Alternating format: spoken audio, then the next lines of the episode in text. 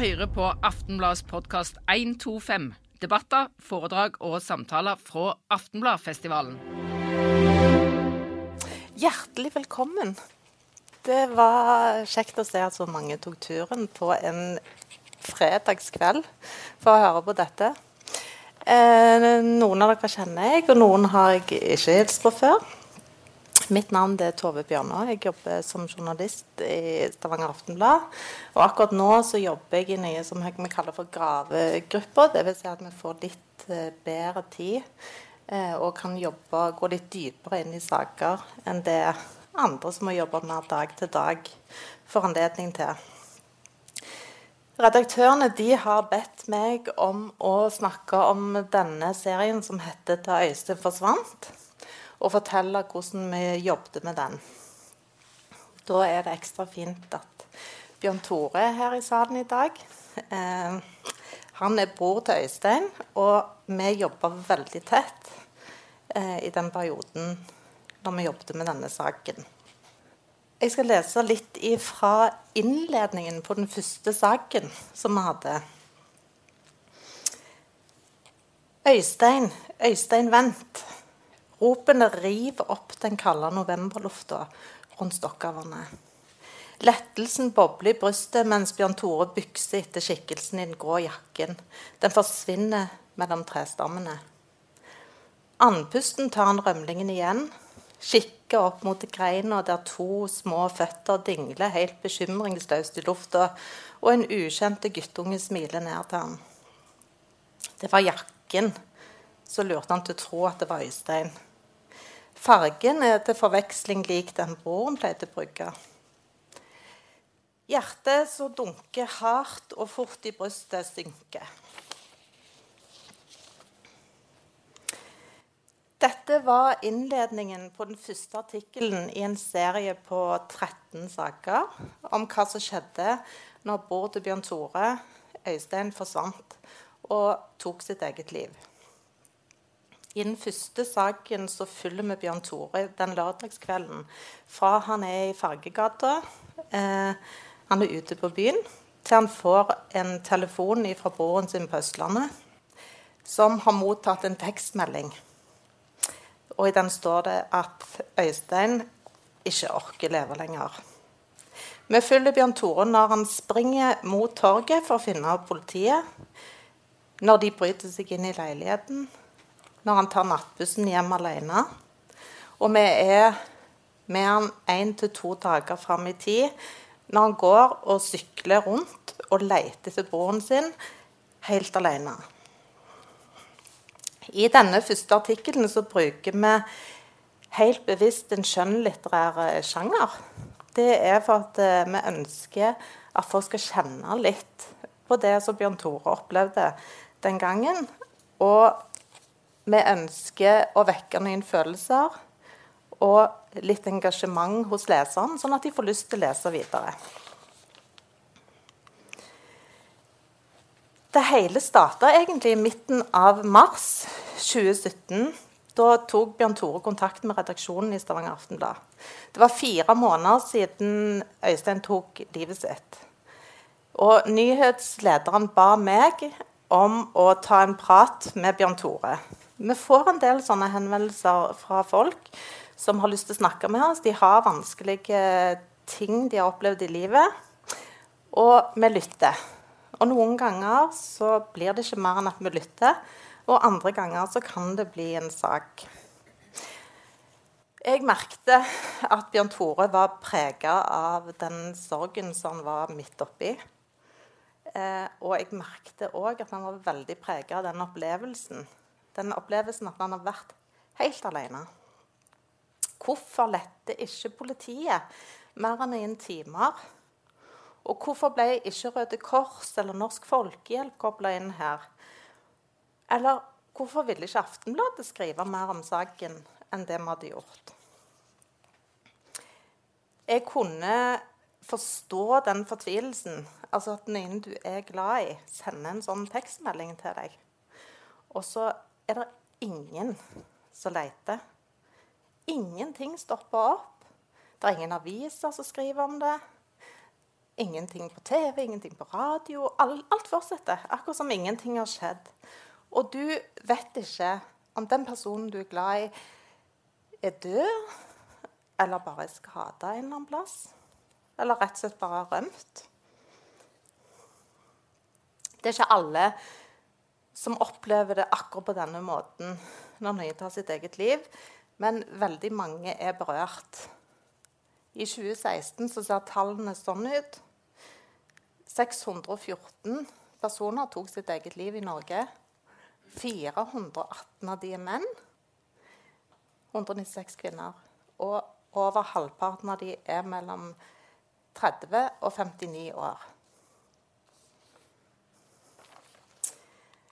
Men det er sykt vanskelig tema å gå inn i dette med selvmord. Det er så utrolig lett å så trø feil.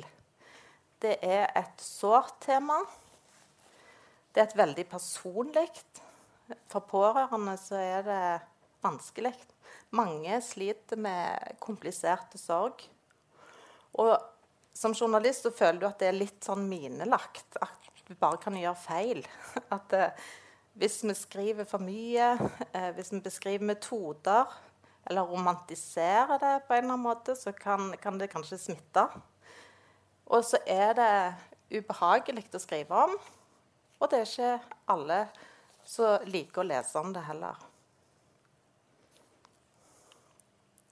Men etter å ha sittet med Bjørn Tore en stund, så hang det sykt mange spørsmål i lufta. Det var dette med politiet, hvorfor de avslutta leteaksjonen. Det var dette med de frivillige organisasjonene som ikke var med.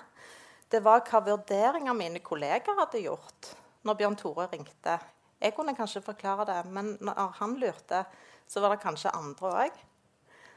Eh, og Øystein hadde vært på legevakten den morgenen før han sendte meldingen. Og hvorfor fanga ikke de opp noe? Og hva skjer da når det, at det offentlige melder seg ut? Kunne vi med å rekonstruere det som hadde skjedd med Øystein, kunne vi gi familien noen svar? Eller kunne vi vise leserne hvordan samfunnet reagerer når en iblant oss forsvinner på den måten? Og kanskje kunne vi lære litt av det som hadde skjedd. Men fire måneder, det er ingenting. Så min jobb det var òg å snakke med Bjørn Tore og få avklart om familien egentlig var klar for å gå inn i dette her. Det er viktig å avklare forventninger. Altså, jeg, kunne ikke gi noen som helst garanti for at vi ville avsløre at noen hadde gjort en dårlig jobb. Eh, responsen fra politiet og fra legen og fra alle som hadde vært involvert, som vi måtte snakke med, den kunne faktisk bli helt annerledes enn det familien hadde forventa. Og hvis de da sto i en konf åpen konflikt eh, når de var òg midt i denne kompliserte sorgprosessen, så kunne det bli en ekstra belastning. I tillegg så var det sånn at jeg kunne komme til å grave opp oppi Eller jeg kunne komme til å pirke oppi ting som var vanskelig for familien. Og så kunne jeg ikke love at, eh, at denne artikkelserien eller det jeg skrev, ble et glansbilde. Eh, det måtte være sant. Og så er det én dimensjon til, og det er at Øystein var død. Og han hadde ikke bedt om denne oppmerksomheten sjøl. Men vi diskuterte dette med Bjørn Tore og med familien, og vi diskuterte det med redaktørene. Eh, og vi ble enige om at vi kunne nærme oss eh, forsiktig, varsomt, med respekt. Og så kunne vi ha et, eh, et eh, Dette med belyse og opplyse kunne ligge i bånn. Eh, at det kunne være en måte å nærme seg på. Vi ble enige om å sette i gang, og så skulle vi se hvordan det bar hen.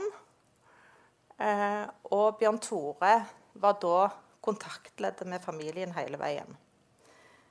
Etter hvert så reiste jeg òg opp til Sveio og besøkte moren og stefaren.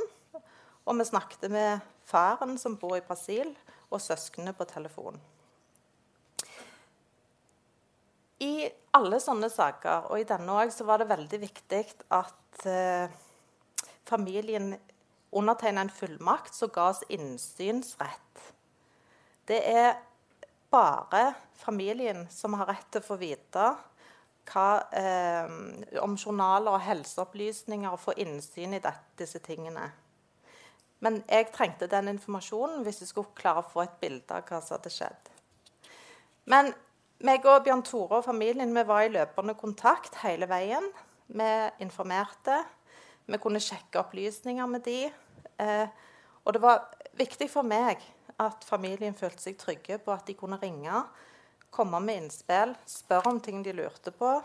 Og vi lovte òg at de skulle få lese resultatet før det ble publisert i avisa. Og så gikk tida da, mens vi jobbet med dette. Og jeg jobbet òg med andre ting parallelt. Vi ba om innsyn i politiloggene. Vi ville se hvordan politiet organiserte letinga eh, eh, og etterforskninga de første timene og dagene etterpå. Først så fikk vi avslag. De mente at det var informasjon som burde unntas offentlighet der. Og vi kunne egentlig begynt en klageprosess, men det hadde tatt veldig lang tid. Men det er noe vi ofte gjør da. Men i denne saken så valgte vi dialog, og vi kommuniserte veldig mye med eh, kommunikasjonsavdelingen og forklarte hvordan vi ønsker å nærme oss denne saken. Og til slutt så fikk vi møte her med Tor Helge Stavik, som var operasjonsleder den kvelden det skjedde, og hans sjefer. Vi møtte opp på politikammerset, og vi fikk spørre om alt vi lurte på. Eh, og de leste og refererte fra loggene. Og vi tok opp mange timer på bånd. Og til slutt så satt vi da med ei tidslinje der dato, eh, klokkeslett og hendelser kunne tegnes opp. Fra 13.11., når han forsvant, til 25.11., tolv dager seinere. Det viste seg at politiet hadde blitt involvert 20 minutter etter at Øystein hadde sendt denne meldingen. Og det var veldig viktig for politiet å vite hvor lang tid det hadde gått. For det når du skal avverge et selvmord, så er det veldig tidskritisk. Han måtte òg finne ut er dette det var lørdagskveld, er dette en spøk, eller er det alvor. Politiet fortalte at de fikk inn mange savnameldinger i uka. Det kunne være kjærester som skulle gjøre seg litt vanskelige, eller ektemenner som kom fra nachspiel på morgenkvisten. Og politiet måtte finne ut om det var er dette, en, er dette en politisak eller er det psykiatri, en helsesak.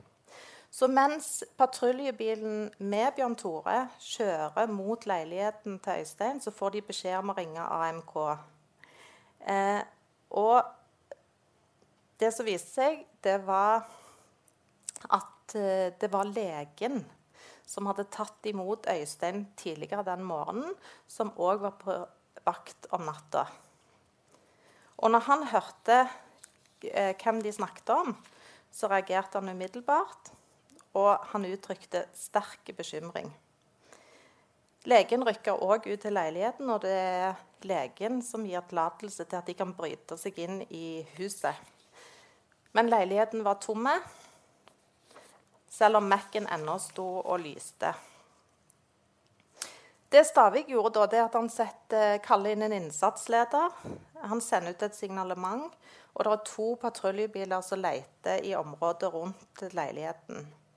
Han ringer og vekker en hundefører som har fri, men han bruker litt tid, eller han bruker flere timer på å komme inn til Stavanger.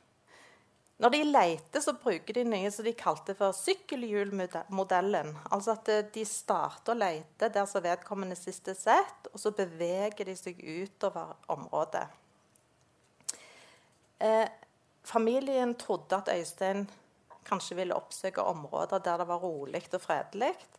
Og de søker i noen eh, parker og friområder i nærheten. Men Stavik sier det er travelt denne lørdagen, og det skjer masse ting i sentrum. Han har loggført 65 hendelser. Samtidig så pågår det en leteaksjon i sørfylket, der det er en person som senere blir funnet omkommet. Og han driver da med en slags form for flåtestyring, der han har de ressursene han har eh, tilgjengelig, og så skal han disponere mannskapene. Han kaller ikke inn Røde Kors eller Norsk Folkehjelp. Han mener de har for lite å gå på. Det er ingen konkrete spor. Øystein kan ha tatt et fly, eller han kan ha tatt en buss. eller sånn.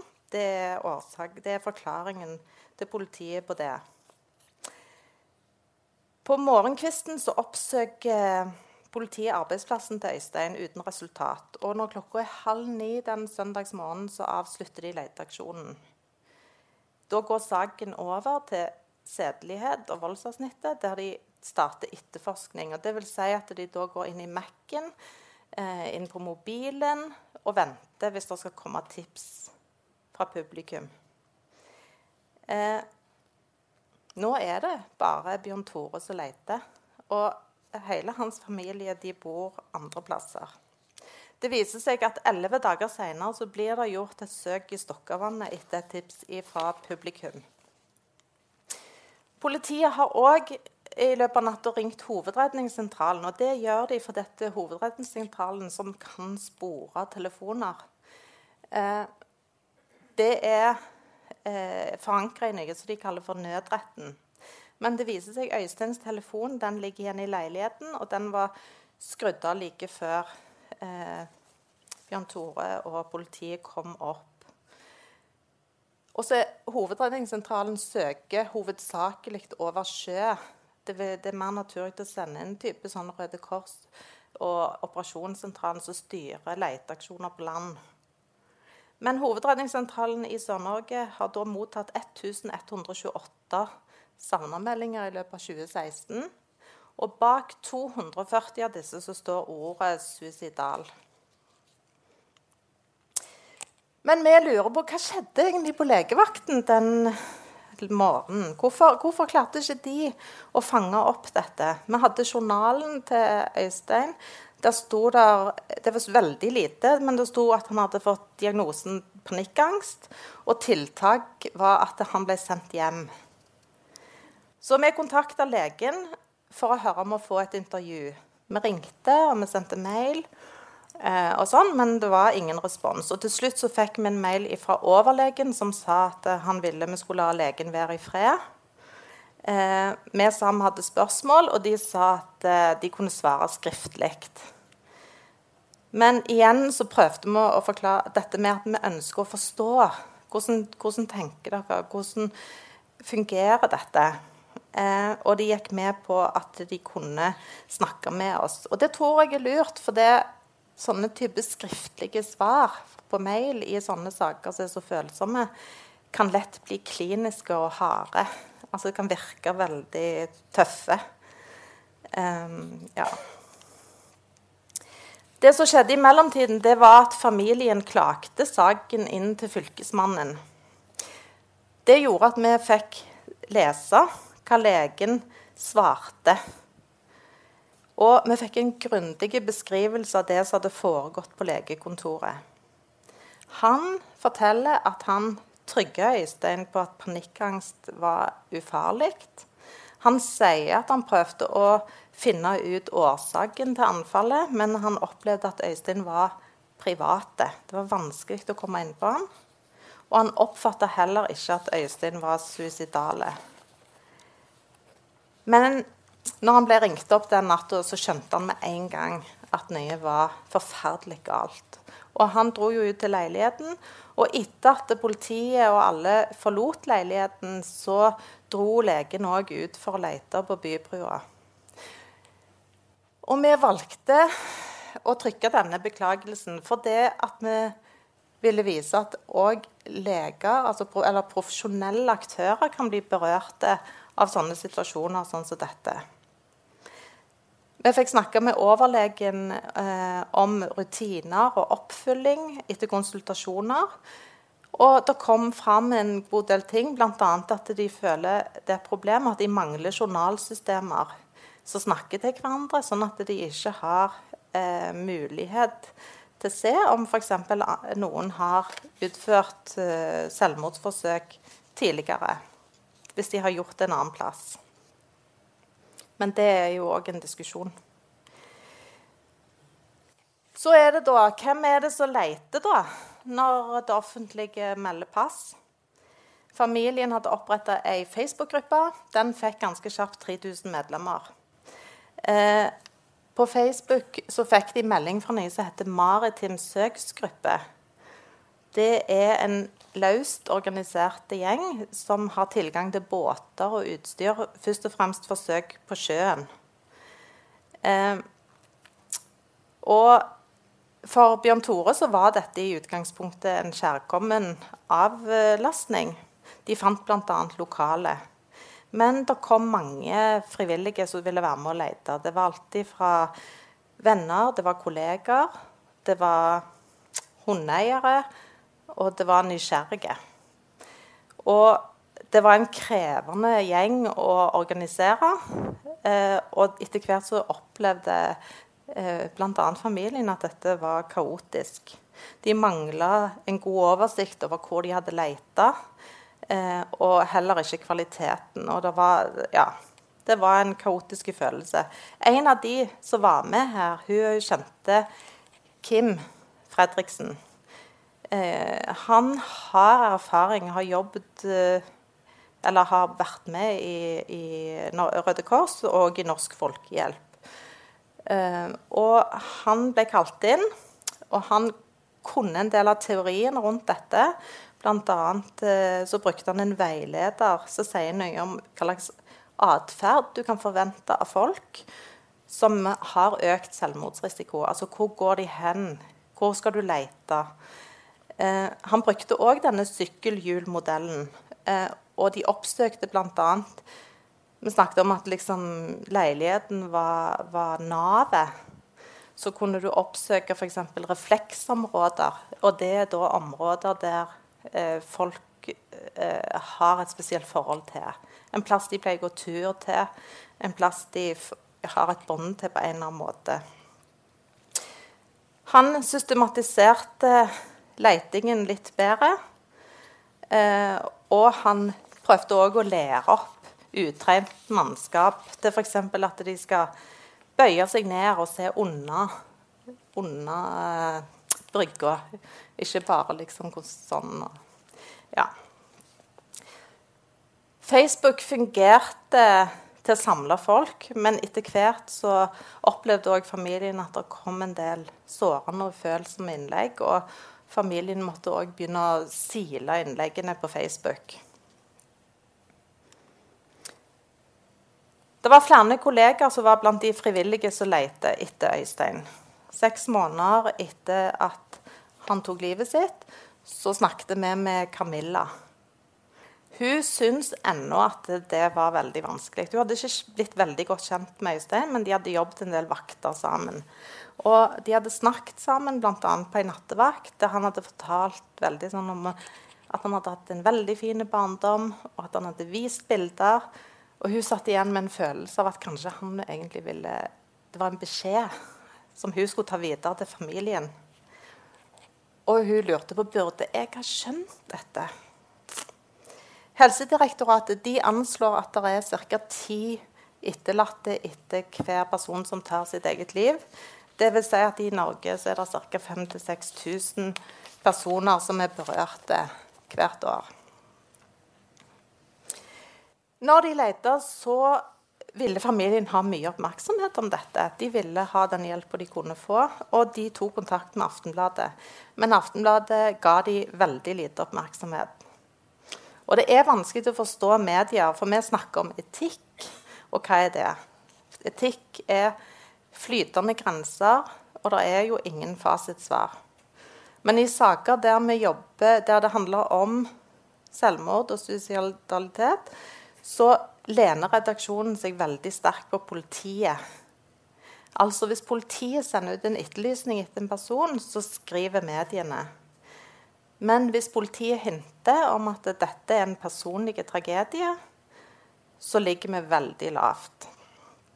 Og I Vær varsom-plakaten står det òg 'unngå omtale som ikke er nødvendige for å oppfylle allmenne informasjonsbehov'. Og diskusjonen den gikk eh, mellom eh, vaktsjefene når det var vaktskifte mandag morgen. Men da var det allerede en stor eh, privat eh, leteaksjon på gang i et offentlig rom som mange la merke til. Og folk, de mente at folk hadde et informasjonsbehov. Facebook-etterlysningen den hadde eksplodert viralt, og familien var veldig fortvila. Så mandag morgen så lagde de en sak eh, på at Øystein var savna, og den toppa Aftenbladet.no ei lita stund. Og så datt han nedover på sida, og i papiravisa så ble det en notis. Saken den ble fortløpende oppdatert. Eh, etter hvert det kunne være nye, altså møtetidspunkter og sånn. Eh, helt fram til Øystein ble funnet. Men da opplevde Bjørn Tore at vi var veldig kjappe på. Da ringte vi med liksom Hva skjer? Eh, er det Øystein som er funnet? Og nyhetssjefen han forklarte dette med at eh, da hadde vi hatt kontakt, eh, og sirkelen måtte sluttes når vi hadde skrevet at Øystein allerede var savna.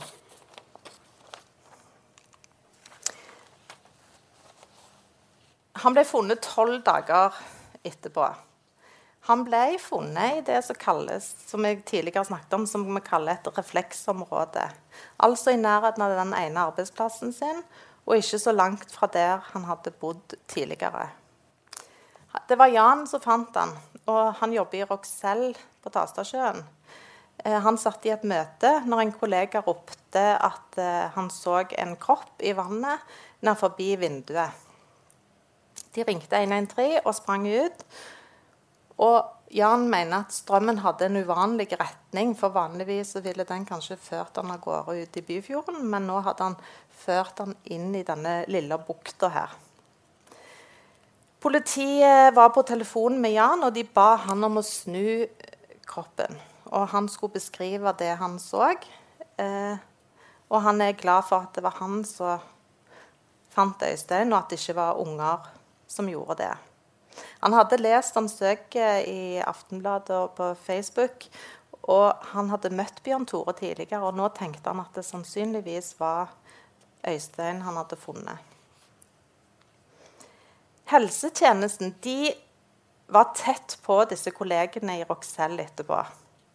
De ble ringt opp flere ganger med tilbud om hjelp.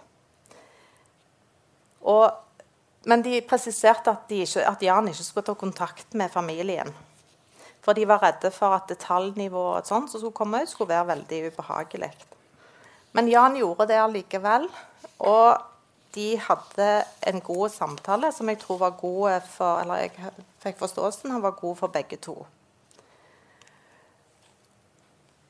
Bjørn Tore husker ikke at han fikk tilbud om hjelp. Øystein forsvant ei helg, og det er et veldig sånn sårbart tidspunkt. For kriseteam er helt avhengig av å få beskjed fra politi eller lege.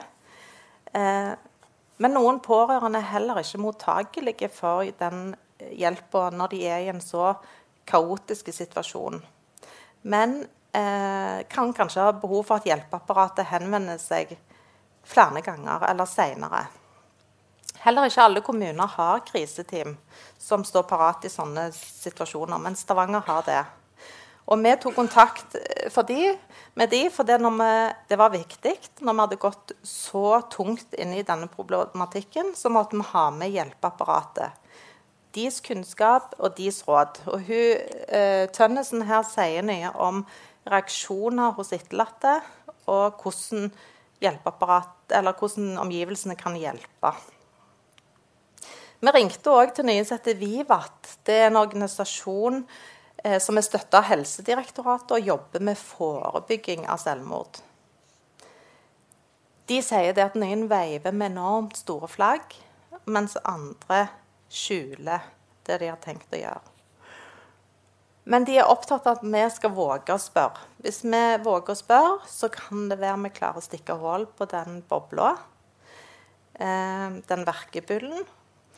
Og de har som utgangspunkt at egentlig så ønsker alle å leve. Og det kan gå over. Eh, og vi kan prøve å hjelpe, men det er ingen garanti. Sakene ble publisert ett år etter at Øystein forsvant. Eh, og da publiserte vi disse over ei uke. Og vi hadde òg et intervju med familien da om hvordan det gikk et år etterpå. Men med hver eneste sak så hadde vi med eh, en, uh, ulike fakta. Hva skal du gjøre hvis du har sånne tanker? Hvor skal du ringe? Og vi sjekket at alle de telefonene var i drift. Eh, at vi ringte opp, og, og vi skrev òg åpningstidene, sånn at ingen skulle ringe på tider der de hadde stengt. Vi ringte òg til psykiatriske sykepleiere på legevakten for å gi beskjed om at vi kom til å publisere. Og hver sak, både på nett og papir, hadde med en oversikt som viste hva folk skulle få svar på eh, etter hvert i, ut i uka. Og så var det viktig for oss at vi hadde med oss disse to. Dette er Tom, og så er det Oddvar. Norsk Presseforbund har skrevet en veileder som handler om hvordan vi skal omtale selvmord. og Da understreker de viktigheten av at vi trekker fram håpet. Det kan bli bra. Og vi fant fram til Tom og Oddvar. Begge har gjort alvorlige forsøk på å ta sitt eget liv. Tom her, han lever med alvorlige senskader etter selvmordsforsøk. Mista armene sine og synet på ene øye. Og dette er Oddvar. Han er toastmaster. Han er alle vennenes midtpunkt og humorist. Og nå er han bonde på Finnøy. Han har oppretta et eget selskap som man kaller for Vignes grav og spreng. Og Styret det består av venner og familie. og Den eneste oppgaven det styret har, det er å passe på at ikke han tøyser vekk og kamuflerer problemene sine. For det var ingen som så hva som foregikk inni hodet på han. Men når vi skriver om disse to, så er det òg etiske problemstillinger vi tar stilling til. Altså, Hvordan har de det nå? Hvem er det vi snakker med egentlig? Eh, hvordan reagerer omgivelsene på det at vi skriver om disse nå? Eh, og vi må unngå detaljeringsgraden. Jeg skrev ikke det at eh, Tom eh, hvordan, Hva som skjedde eh, når Tom eh, mista armene sine. Eller hvordan Oddvar prøvde å ta sitt eget liv. Det med tanke på smittefaren. Men begge har vært gjennom veldig tøffe tak, og Oddvar han sier det var akkurat som å komme tilbake fra krigen. Og i dag så er de glade for å være i live. Og dette sier han. Det blir bedre. Det skal ikke være så vondt. Og det er store faglige tyngde bak det jeg sier nå, sier Oddvar Vignes. Og det er liksom viktig å gå ut med positive greier her i dag òg. Eh, jeg bare sier kort om hva slags reaksjoner vi har fått. Altså, den overveiende positivt. Jeg var veldig nervøs når vi publiserte. Om jeg kom til å få mye kjeft, om folk kom til å føle seg såra. Eh, men som sagt overveiende positivt. Det var noen som reagerte på om Vi hadde skrevet i en tittel på den ene saken. Det var ikke meg. Men det sto at eh, noen hadde valgt å ta sitt eget liv. Og de hadde mista sønnen sin og mente at han hadde aldri noe valg. Det var ikke noe han valgte. Og det skjønner jeg. Vi hadde òg en liten diskusjon med broren, den andre broren til Bjørn Tore Øystein, som mente at vi hadde lagd en introvideo som var litt sånn true crime. Litt sånn med musikk og Bare for voldsomt. den tok vi da vekk eh, når vi fikk den reaksjonen. Eh, etter serien ble publisert, så har Rogaland fylkeskommune bevilga 800 000 kroner til en handlingsplan som først og fremst skal rette seg mot eh, å forebygge selvmord i videregående skole. Altså de skal inn tidlig. Og Bjørn Tore skal være med på det arbeidet. Legevakten de bruker denne saken som, eh, i arbeidet med å forberede turnusleger og legevakt, eh, legevaktsleger på å forebygge og oppdage selvmord. Og de har òg gått gjennom alle rutinene sine veldig nøye etter dette, bl.a. journalføringen, som var for dårlig. Vi har deltatt i debattmøter, vi har reist rundt og holdt foredrag i litt ulike varianter. Og saken vant eh, Stavanger Journalistlags reportasjepris i 2017. Så det er det jeg har å fortelle dere i dag. Så tusen takk.